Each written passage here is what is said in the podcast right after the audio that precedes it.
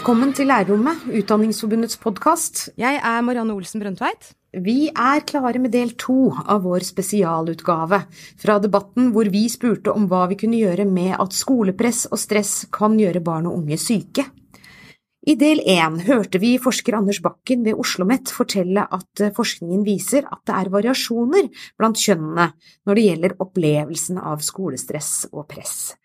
For det er særlig stadig flere jenter som rapporterer om økt stress på grunn av skole, ifølge Ungdata-funnene.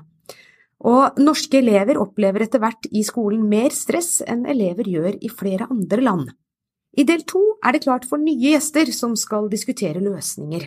Bak mikrofonen står kunnskapsminister Jan Tore Sanner, Utdanningsforbundets leder Steffen Handal og Elevorganisasjonens Agathe Våge. Og helsesista taler Maria Krohn Engvik, som deltok også i del én, ja, hun hadde også mer å si. Det er fremdeles Anne Grosvold som loser oss igjennom debatten. Når vi hører de beskrivelsene vi har hørt nå, både forskningen og den praktiske erfaringen, så må jo du som statsråd bli ganske bekymra? Det er absolutt ting å være bekymret for. Det er det. Eh, og det vi nå har fått presentert, det er et uttrykk for den samfunnsutviklingen vi er inne i. Noe skapes i skolen. Annet skapes utenfor skolen. Mye må vi som foreldre også ta, ta ansvaret for. Eh, foreldre opplever også usikkerhet, ting går raskere. Vi overfører våre forventninger til våre, våre barn. Eh, og vi ser at noen skoler jobber veldig bra med dette. Jeg syns at det man har gjort i Tønsberg synes jeg er veldig fornuftig. Eh, det jeg ikke vil gå inn på, det er at man skal forby lekser. Eh, det mener jeg er feil vei å gå. Du har gode lekser, du har dårlige lekser, du har god evaluering, du har dårlig evaluering. Og Det er derfor vi hele tiden må jobbe med å bli bedre. Jeg møter også mye elever, og på et av mine første besøk så sa jeg til ungdommene at hvis dere skal gi meg fem råd, hva vil dere råde meg til? Og de, de, var helt enige om det første rådet, det var ikke lekser. Og så sa jeg Hvor, hvorfor det, da? Jo, fordi at da får vi mer tid til å øve på prøvene på kvelden. Og så, jeg, ok, Så det er ikke det at dere er imot å, å gjøre noe etter, etter skole? Nei, men, men lekser var ikke noe gøy. Og så sa jeg at så vet jeg også at på denne skolen så driver dere mye med prosjektarbeid. Og da går dere på biblioteket og gjør litt forskjellige ting. Ja, men det er jo gøy. Og den historien forteller meg ganske mye at det er, som, som, du var inne på, at hvis du får beskjed om hver eneste dag at du skal lese de sidene, de oppgavene, ja, så blir det for mye. Mm. Eh, men når man jobber jevnt, når man føler mestring Jeg er jo opptatt av at elevene skal lære, men skal du lære, så må du også mestre. Eh, og da må du også ha en trygg skolehverdag. Så det er mye av dette vi kan ta tak i. Eh, og Vi jobber jo nå med både med Elevorganisasjonen og Utdanningsforbundet og masse fagfolk om, det, om fornyelse av hele skolen. Eh, jeg ble så glad da jeg så A-magasinet og Aftenposten med hele førstesiden at nå kom livsmestring inn i skolen. Jeg tror, jeg tror vi nå treffer noe av den tiden vi er, vi er inne i. Uh, hvor vi klarer å møte faktisk noen av de utfordringene som elevene har. Nå blir jeg engasjert. Nei, det var veldig, og det, og det liker jeg så godt. Bortsett fra det der livsmestring, er ikke det et litt sånn nyord som på en måte dekker alt og ingenting? Hvor god er du i livsmestring, egentlig? Uh, jeg har selv jobbet mye med det. Ja. Uh, fordi at Og for deg betyr det noe? Ordet har et innhold? Ja, det, det har det. Fordi at det handler om å mestre livet. Det handler om å lære seg at eh, ja, vi har oppturer, men vi har også nedturer. Og det er helt normalt. Det er helt normalt at man i en periode føler at dette er vanskelig. Og det trenger faktisk barna også å lære seg. Eh, og man trenger å snakke om det.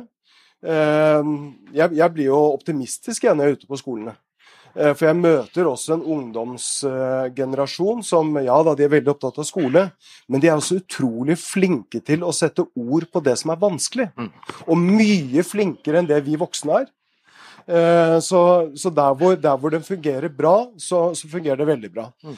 Livsmestring, ja, det handler om, om, om, psykisk press. Det handler om at vi alle eh, kan opplever psykiske helseutfordringer gjennom livet. Eh, og vi trenger alle å høre at det er faktisk helt normalt. Jeg husker jeg Bare avslutte med det før du stiller sikkert et enda vanskeligere spørsmål. Da jeg var leder i Unge Høyre, så var Kasi Kullmann Five leder i Høyre. Og så skulle hun holde en tale, og så satt jeg meg ved siden av henne. Og så sa hun at 'jeg er så nervøs'. Og så så jeg på henne og sa 'er du nervøs', sa jeg. Går det an? Du er jo leder av Høyre. Nei, hun var kjempenervøs. Og så fortalte jeg denne historien ved å være på Fontenehuset. Og Fontenehuset er et fantastisk sted for mennesker med, med psykiske helseutfordringer. Eh, og så møtte jeg en av disse guttene et halvt år etterpå. Og så sa han at det at du fortalte den historien, og at du fortalte at du også var nervøs når du skulle gjøre ting, det har faktisk vært med på å redde meg. Fordi at jeg, Da satt jeg og tenkte på at når en statsråd kan være nervøs, så må det søren meg være lov for meg å være nervøs. Og det gjorde hans livsmestring lettere. Mm. Og jeg tror du har rett i at kanskje når det gjelder det å snakke om ting som er vanskelig, at ungdomsgenerasjonen er mye flinkere enn oss, og at vi burde lære av det. Nå ser jeg også i E-magasinet, Vi har tydeligvis lest den samme artikkelen eh, om eh, psykologisk førstehjelp, som nå, nå brukes mye mer. Hvordan ser du på det? Er det, er det bekymringsfullt at vi trenger mer psykologisk førstehjelp i skolen, eller er det et tegn på at vi tar de problemene som er der, på alvor? Det er et tegn på at vi tar det på alvor. Eh, når vi så på disse kurvene, så så vi at, eh, at stresset øker utover skoletiden. Eh, et spørsmål som jeg stiller meg, det er om er dette ting som da kommer der, eller kan du finne forklaringen mye tidligere i skoleløpet? Jeg tror det siste. Eh, I hvert fall veldig mange av de Dette er ikke forskningsbasert, jeg må si det, eh, men det er litt empiri i det. Eh, og det er at veldig mange av de utfordringene som ungdom forteller om, det kan du spole tilbake til veldig mye av, den, av de første skoleårene. Mm. I hvert fall hvis du sliter tidlig i skoleløpet, så forsterker det seg oppover. Og Det er bakgrunnen for at vi nå er så veldig opptatt av tidlig innsats Eh, at barnet, alle kommunene er nå fra i år pålagt å ha samarbeid mellom barnehage og skole. Slik at lærerne vet litt mer om barna når de kommer, og slik at foreldrene også får litt mer trygghet i den overgangen. Vi har pålagt kommunene å samarbeide med eh, Er det BUP det heter? Det er det. Det er så mange rare forkortelser. Eh, med, og, og med kommunehelsetjenesten for å bygge sterkere lag rundt, eh, rundt barna. Eh, I Sverige så kaller de det elevhelseteam. Eh, hvor du har psykolog, hvor du har det vi kaller for PP-tjeneste, hvor du har helsesøster. Hvor du har et, et, tverrfaglig samarbeid for å bygge dette laget rundt, rundt, barna. Og jeg tror at det vi nå holder på med denne fagfornyelsen, hvor det også skal bli mer tid for læreren å være lærer. Vi har sett på de gamle læreplanene at det har vært litt for mange kompetansemål, litt for mye man skal eh, igjennom. Eh, vi må skape mer rom for det vi kaller for dybdelæring. Altså, ikke at man bare skal kunne, men at man også skal forstå. Og skal kunne bruke det man har lært, også på et annet område. Eh, det tror jeg kan skape rom for også utvikling av eh, det hele mennesket. Altså, vi skal gi skolen også et verdiløft eh, gjennom eh, det arbeidet vi nå holder på. Jeg har veldig tro på dette. Jeg hører det, og jeg syns at du har åpnet veldig bra som en innledning til debatten. Jeg må bare spørre deg om én ting til. Jeg aksepterer at du ikke vil forby lekser. Det er et helt, det er helt legalt standpunkt å ha som statsråd, tenker jeg. Men hvordan skal du sikre at kvaliteten på leksene og oppfølgingen er god nok? Hvordan kan du gjøre det? Ja, altså I utgangspunktet så er eh, det er jo ikke sånn at man må ha lekser. Nei. Eh, og vi vet at det er eh, kommuner og skoler som ikke har det. Noen har lengre skoledag, andre organiserer på annet vis. Vi høster erfaring gjennom det. Det jeg er litt skeptisk til, det er hvis man plukker én idé, og så skal alle gjøre det på nøyaktig den måten. Jeg synes det de har gjort i Tønsberg, synes jeg er kjempefint. Og jeg håper at andre også gjør det. Eh, men sånn første gang så tenker jeg at det er viktig å lære, lære på tvers. Vi må ha kompetanseutveksling, slik at man ser på de gode eksemplene. Jeg er helt sikker på at mange kommuner kommer til å plukke opp det de har gjort i Tønsberg. For det er greit for læreren, for skolen, å ha noen felles kjøreregler. Det gjør det også lettere for foreldrene. Eh, hvis man som forelder opplever at barna si, dynges ned med lekser, alt kommer på toppen av alt, Eh, så har man faktisk et verktøy å gå og si til skolen at her, denne kommunen, så har vi blitt enige om at det skal ikke være mer enn en halvtime. Mm. Nettopp. Da har jeg lyst til å invitere opp eh, Steffen eh, Handal og Elevorganisasjonens leder Agathe Våge. Hva, hva, tenker du Steffen, om det du har hørt? For det, altså, det er jo spørsmålet, Hovedspørsmålet her gjør skolen ungene sjuke? Oh, eh, noe kan tyde på at i hvert fall noen elever kan bli noe sykere av skolen, og at vi kan bidra til et press. Men jeg har lyst til å takke Anders eh, Bakken eh, og, og Nova for eh, den, de funnene som dere har gjort. Altså, I fjor så var jeg på Arendalsuka og hørte for første gang de alarmerende tallene som dere viste fram, særlig om jenter og hvordan de pekte på skolestress og press som en årsak til sine psykiske problemer. Det gjorde utrolig sterkt inntrykk, og jeg tror veldig mange lærere har merket seg de funnene. Det er egentlig grunnen til at vi sitter her i dag, det er at vi mener at dette her og nå ser jeg litt bort på Sanne igjen. Dette må det egentlig forskes mer på. Vi trenger å vite hva som skjer mellom skolen og barna for å finne ut om driver vi skolen godt, eller er det faktisk sånn at Agathe og hennes eh, venner blir syke av det som vi holder på med. Og det er egentlig ikke en sånn pekefinger, tror jeg, bare til politikerne, eller bare til foreldrene, eller bare til lærerne, eller bare til elevene. Jeg tror vi, et, vi står overfor et samfunnsproblem som vi alle må bidra til å løse. Og da må vi tenke på skolen på tre måter. Vi, vi skal drive med kvalifisering. Altså, noen skal lære noe her og noen skal kvalifisere seg til et videre løp, til et arbeidsliv. Ja, det er en viktig oppgave, men hvordan vi driver den kvalifiseringen, det må vi tenke nøye gjennom. Og der kommer vurderingsspørsmålet inn. Også hvordan vi driver lekser, hvordan vi driver med eksamen, alle disse tingene. Det er kjempeviktig. Skal vi ha karakterbasert inntak til videregående skole? Det er ett eksempel. Så har skolen en annen funksjon, og det er sosialisering. Altså, Hvordan skal Agathe og hennes eh, eh elevkollegaer være sammen på skolen. Hvordan skal skolen hjelpe dem til å finne seg venner, til å bygge sterke fellesskap, sånn at de kan takle hverdagen sin. Og det siste det er dette med danning. Og det tror jeg er eh, noe som har hatt litt for liten plass i skolen i det siste. Vi må forstå at Agathe skal lære å være et menneske helt på egen hånd, også etter skolen. Og hun skal lære på en måte å håndtere sine egne følelser, og hvordan hun skal være sammen med andre.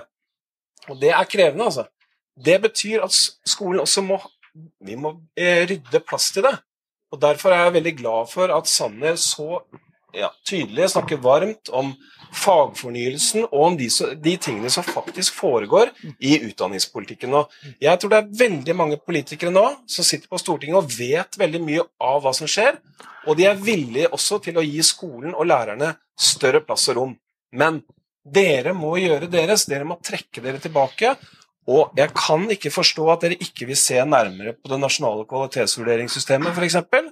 Eller hvordan vi driver inntak til videregående skole, og også vurderingsspørsmål i stort. Det er tre ting som vi kan begynne med. Har du lyst til å svare?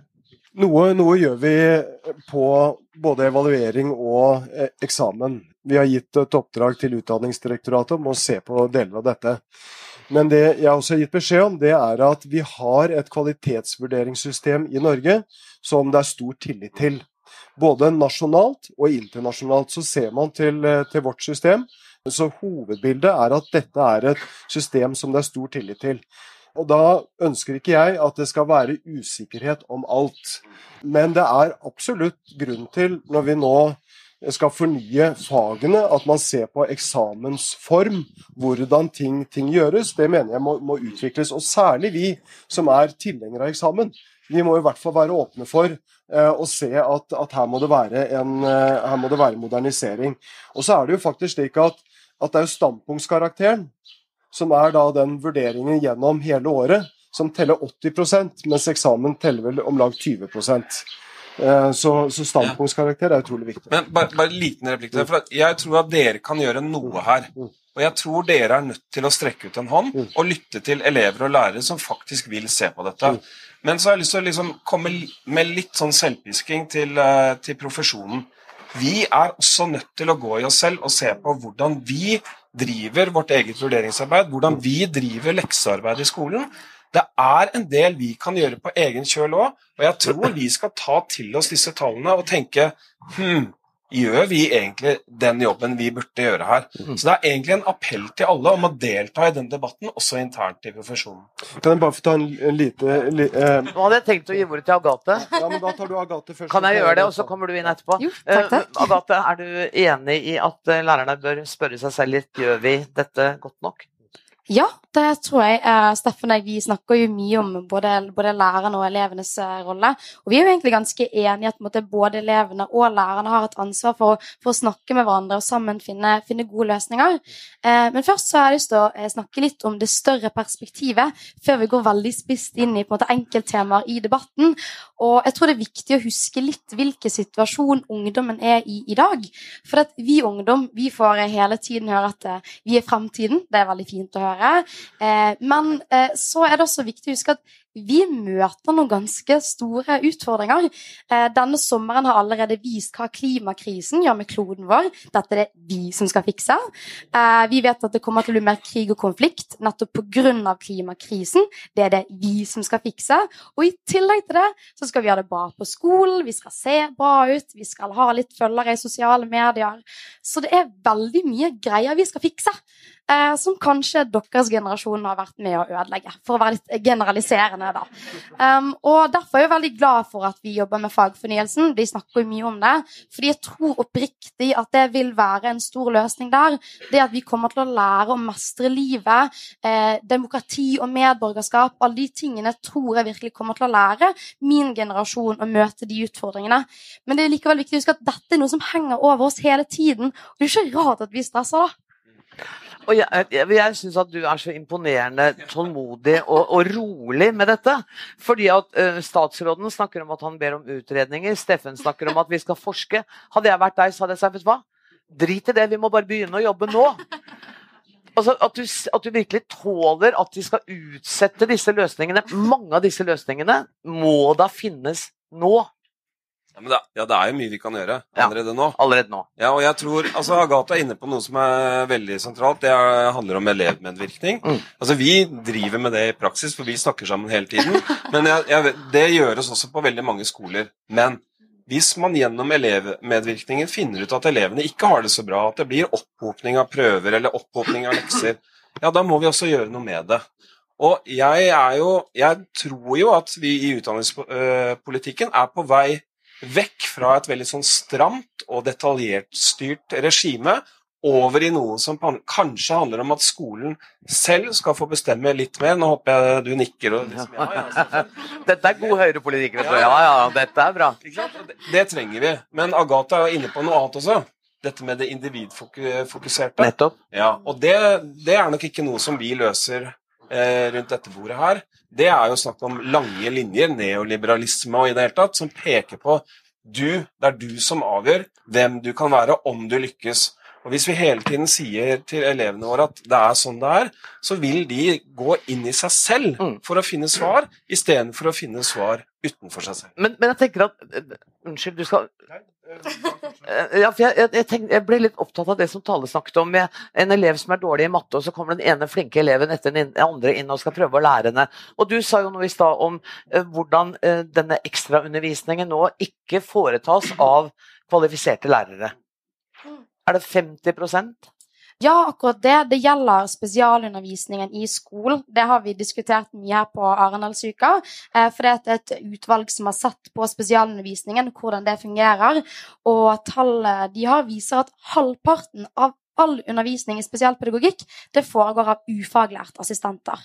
Det er interessant at dere snakker mye om det i Arendalsuka, eh, men skjer det noe, Sanner? Ja, det gjør det. Det, det, er, det, er, fordi man har sett en del av utfordringene med spesialundervisningen, at vi satte ned Nordahl-utvalget, som har kommet med en rapport som nå har vært ute på høring. Vi har hatt flere høringsmøter. Høringsfristen er i dag. Og jeg har varslet en, en stortingsmelding hva som er morsomt? Nei, jeg, Unnskyld meg, for jeg synes, varslet stortingsmeldinger og høringer Jeg blir litt sånn Oi, det tar lang tid. Jo, jo men, men, men, det er, det er eh, sånn skole, skolepolitikk er. Altså, bare ta Kunnskapsløftet som kom i 2006. Nå ser vi resultatene ved at det faktisk er flere elever som fullfører og består, færre som faller fra, flere av elevene med svakere utgangspunkt som løfter seg aller mest. Eh, fagfornyelsen som alle nå skryter av, de første elevene som går ut av den, går ut i 2032. Mm. Det betyr ikke at det er mye vi kan gjøre. Eh, på spesialundervisning så er det mange skoler, mange kommuner, mange barnehager som jobber kjempegodt. Hvor de har flyttet kompetansen fra kontoret til barna, til ungdommene. Og Det er det eh, dette utvalget til Nordahl peker på, nemlig at hjelpen kommer for sent. Eh, mye ufaglærte, og mange av de barna møter for lave forventninger. Og så har mye av debatten gått rundt om du da skal opprettholde rettighet eller ikke-rettighet. Der er jeg åpen for å diskutere begge deler, men det jeg er opptatt av, det er at kompetansen må være der barna er, slik at de kan få hjelp og støtte. Jeg kan jeg bare spørre eh, statsråden om en ting. da, for det, eh, Du sa jo at nå ser vi resultatene av Kunnskapsløftet. De plansjene som, eh, som, Bakken viser fram, er det også et resultat av Kunnskapsløftet? Altså, jeg tror vi gjennom Kunnskapsløftet gikk for langt den ene veien. Altså, det ble et for snevert fokus på noen ting i skolen som skulle være det saliggjørende. Og man fokuserte veldig på det, særlig gjennom den måten man drev vurdering og kartlegging. Egentlig uten at man endret hele skolens mandat, som fortsatt var like stort. Altså, Danningen fikk plutselig en veldig mye mindre plass, mm. selv om det sto i, i, i lovverket. Mm. Og da er jo mitt spørsmål til deg, er, er, du ikke også bekymret for at disse tallene også henger sammen med Kunnskapsløftet, og at vi må gjøre noe med dette mm. test- og resultatjaget på det snevre? Det er jo bakgrunnen for at vi nå har startet hele fagfornyelsen. Det er jo, for, det er jo fordi at eh, det er noen ting som har gått bra, og det, det, er helt åpenbart når elever med foreldre som har lav utdanning, er de som nå løfter seg mest. Når det er eh, elever med svakest utgangspunkt som løfter seg mest, så betyr det at, eh, at, det er flere som fullfører, flere består. Men så gjennomfører vi jo nå fagfornyelsen fordi vi ønsker å gi skolen et verdiløft. Og fordi at vi ønsker å legge større vekt på, på dybdelæring. Eh, færre ting som du bare skal huke av at du har vært igjennom. Du skal få mer tid til å gå, gå i dybden. Det er godt å høre, men vi ser det ikke helt i vurderingssystemet. Og det er det, ja, Vi trenger denne utstrakte hånden til profesjonen så skal vi også gjøre vårt. Ja. Da, uh, bare for å ta det, når, det, når det gjelder nasjonale prøver og kartleggingsprøver, så er det skolen er pålagt, det er 15 timer i løpet av 13 år. Slik at, Jo, jo, jo, men, men det, er, uh, det, er, det, er, det som er nasjonalt bestemt. Så er det til sammen 15 timer over, over 13 år. Men så er jeg helt enig i at det er forskjell på god og dårlig vurdering. Hvis du får, et, eh, du får tilbake en prøve med masse røde tegn og så en treer, så sier det deg veldig lite. Men så har du lærere som nå bruker digitale verktøy, som går igjennom eh, innleveringen din og forklarer hva er det med det avsnittet her som gjør at det ikke henger sammen med avsnittet foran. Da kan elevene lære av den tilbakemeldingen som læreren gir, og da kan en treer eller en firer også gi en mening, når du da får forklaring av, av hva du kan jobbe bedre med. Ja. Nå har Agathe ventet veldig lenge på å få ordet. Ja, hyggelig å få snakke litt. Um, noe som elevene snakker mest om når vi på en måte er sånn Ok, hva, hva er grunnen til at, måte, at, du stresser, til at uh, du syns det kan være litt tøft å gå på skolen? Og så sier man jo at det er vurderinger hele tiden.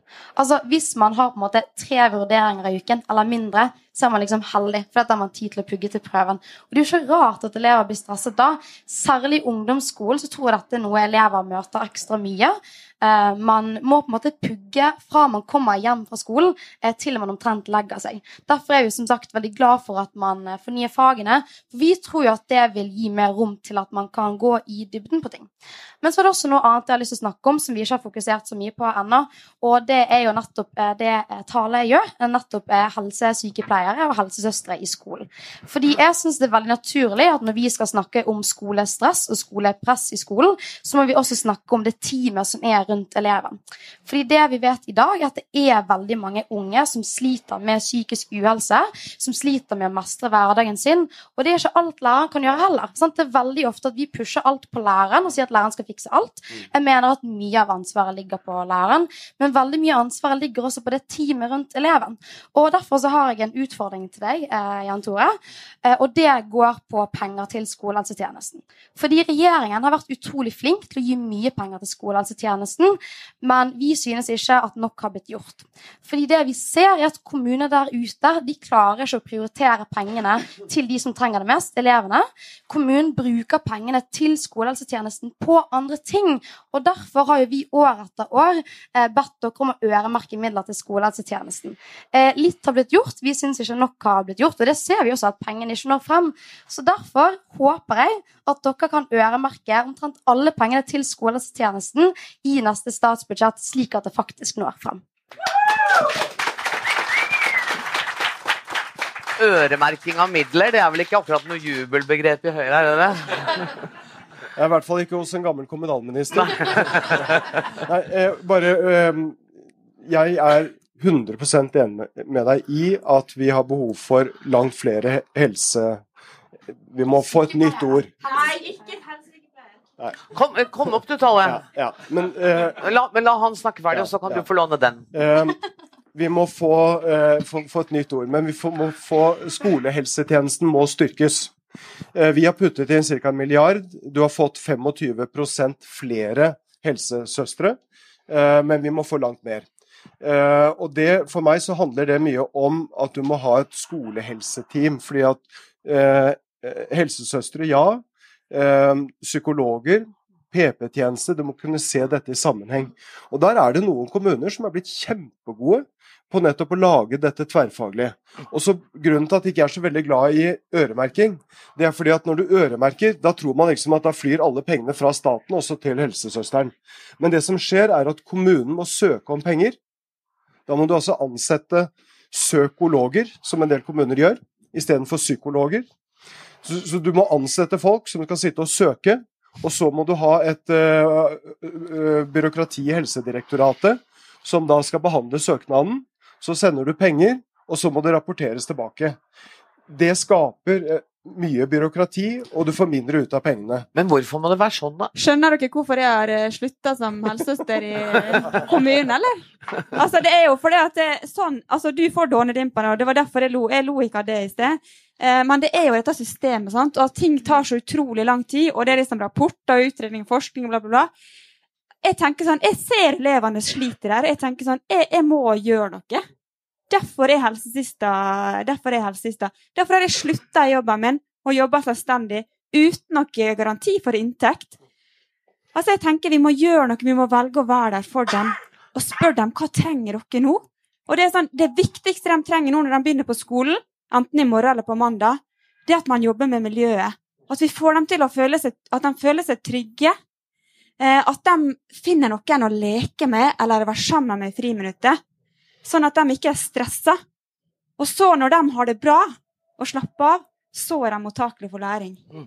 Men du, du, snakket jo om det elevteamet som du hadde sett i, i Sverige. Er det en, ta, kjenner du til det, eller er det noe Ja, det er kjempeviktig. Og vi i skolehelsetjenesten ønsker oss både flere helsesøstre og mer tid på skolene. Og vi ønsker også psykologer helt ned i barneskolen, for vi ser at problemer starter i barneskolen. Eh, og det er kjempeviktig med miljøarbeidere, PP-tjenesten, at det er et mye tettere samarbeid eh, rundt elevene. Eh, og så at man også har fokus på andre fag enn realfag. At man får flere estetiske fag inn i skolen. At det blir liksom andre mestringsarenaer. For det å, ja, praktisk for det å mestre. Og det å, å liksom ha det gøy på skolen. Eh, andre måter å lære på. Og liksom betydningen av lærerens rolle og måten læreren møter elevene på, er så viktig. Når jeg satt her i sted, så var det en elev som fortalte meg at det, på heldagsprøven i vår så hadde hun fått 40 av 50 riktig.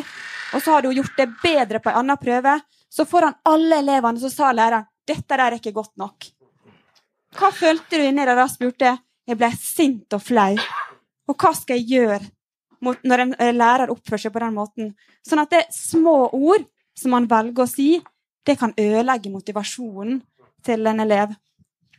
Nå er alle vinduene lukket for at ikke vi skal høre at de synger 'Leve av livet' ute. Det tenker jeg er litt, er litt spesiell.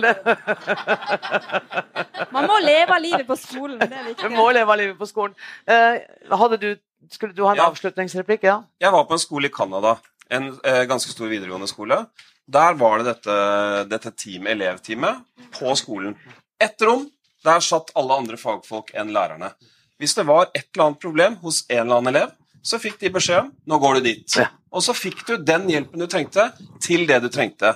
I dag så er det elevteamet, det er læreren. Mm. Og læreren står igjen med alle disse oppgavene i en veldig fortvilet situasjon, hvor de ikke kan følge opp hver enkelt elev, samtidig som samfunnet står utenfor og roper om alt som skal inn i skolen. Mm. Dette går ikke lenger. Og der, ja, man kan ja. Man kan, godt, man kan, godt, kritisere at ting tar tid, men det må ta tid i skolen. Altså, vi må gjøre dette på en fornuftig måte. Det skjer kanskje nå. Jeg tror vi har en felles oppgave i å si til alle som vil ha noe inn det skal ikke inn i skolen noe mer nå. Men du må også hjelpe oss til å gjøre noe med vurderingssystemet og sikre oss at vi får disse teamene rundt elevene, sånn at lærerne også kan gjøre det de er best på, nemlig undervise og se hver enkelt elev. Hmm. Jeg har tenkt å gi siste ordet til deg, Jan Tore Sanner. Tusen takk. Egentlig, du kan jo gi det til Agathe, da, så skal jeg være veldig kort. Jeg kan lese et dikt helt til slutt. Se meg, tenk, Hvor lenge har dere tenkt å holde på? Jeg tenkte at vi skulle slutte ganske snart. Vi, vi, vi, har, vi har, tenkt å, å, å, jobbe lenge sammen. Derfor håper jeg det. Uh, du får ikke noen garantier fra meg på det. Altså. Uh, men det er, det er, jo fordi at vi, vi, kommer ikke til å bli enige om alt. Men vi har, en, vi har jo en plan nå for hvordan vi skal skape en bedre skole for alle elevene. Hvor de skal lære, men hvor de også skal mestre. Eh, et eksempel til på eh, Jeg kalte det skolehelseteam eller elevhelseteam. Eh, I Tromsø har de da organisert det ikke på skolen, men på et kultursted hvor det er mye ungdomskultur. Der er ungdommen. Og Det er derfor jeg er litt skeptisk til at du skal ha én nasjonal norm på hvordan det skal være alle steder. Det må være en, en, et rom for at kommunen kan finne den beste løsningen hos dem. Der har de da organisert et sted hvor ungdommen er, eh, og som gjør at terskelen inn også blir eh, lavere. Og da ser du at kreativiteten ikke alltid trenger eh, lang saksbehandlingstid eller en ny NOU. Vi har, har et kjemperom til å finne gode løsninger. Jeg kjenner at jeg, altså Ordet stortingsmelding og NOU, jeg får nesten Det kribler litt, altså. Ja. det gjør det. Jeg får, jeg får jo kjeft hvis jeg, hvis jeg nå, nå, skal vi legge frem eh, en, en, en melding om ungdomskultur og en melding om kulturskole. Ja. Og da har Trine og jeg, som har to forskjellige departement, funnet ut at vi kan gjøre én pluss én til mer enn to ved å gjøre det sammen. Ah, da blir det plutselig feil at det ikke blir to meldinger. jeg, er, jeg, kommer ikke til å kjefte. Veldig, det er noen som er veldig, veldig glad i meldinger, jeg vet. Jeg kommer ikke til å kjefte. Skal du lese det diktet ditt? Det, dikt. Var det, for det er et uh, dikt av en veldig klok mann, Olav H. Hauge. Han sier År ut og år inn har du sittet bøygd over bøkene. Du har samla deg mer kunnskap enn du trenger i ni liv. Når det kjem til stykket, er det så lite som så skal til og det vesle har hjertet alltid visst. Så det er viktig å ta med seg. Anders vil gjerne at du skal ha ordet en gang til også, men det, det, det var veldig fint å avslutte sånn, var det ikke det? Jo, det var jo det. Men det er jo hyggelig å snakke litt. Ja, nei, men, eh, nei, men ok, bare for å oppsummere litt, da. Hvis Jeg, nå, nå, skal jeg ikke ta hele jobben min, da. Men vi er enige om det meste. Altså, det er vi. Vi ser det i skolepolitikken, at vi er stort sett ganske samlet. Og jeg tror det er fordi at, eh, at statsråden, og egentlig regjeringen, skjønner det at man må lytte til fagfolkene. Man må lytte til lærerne og elevene og de som er i skolen. Eh, vi er veldig optimistiske når det kommer til fagfornyelsen. Og sånn Et eksempel på ting man kan gjøre ganske fort, det er jo f.eks. lærernormen. Det tror vi kommer til å gjøre utrolig mye. Jeg vet at du kanskje ikke er så veldig stor fan av den, men den er i alle fall eh, Ja, nettopp. Eh, der tror vi virkelig kommer til å, å hjelpe. Steffen hadde et veldig godt innlegg i Aftenposten om nettopp dette. For da kommer vi til å ha tid til å se hver enkelt elev og tilpasse opplæringen til det enkelte. Og det tror vi er nøkkelen til en god skole. Mm.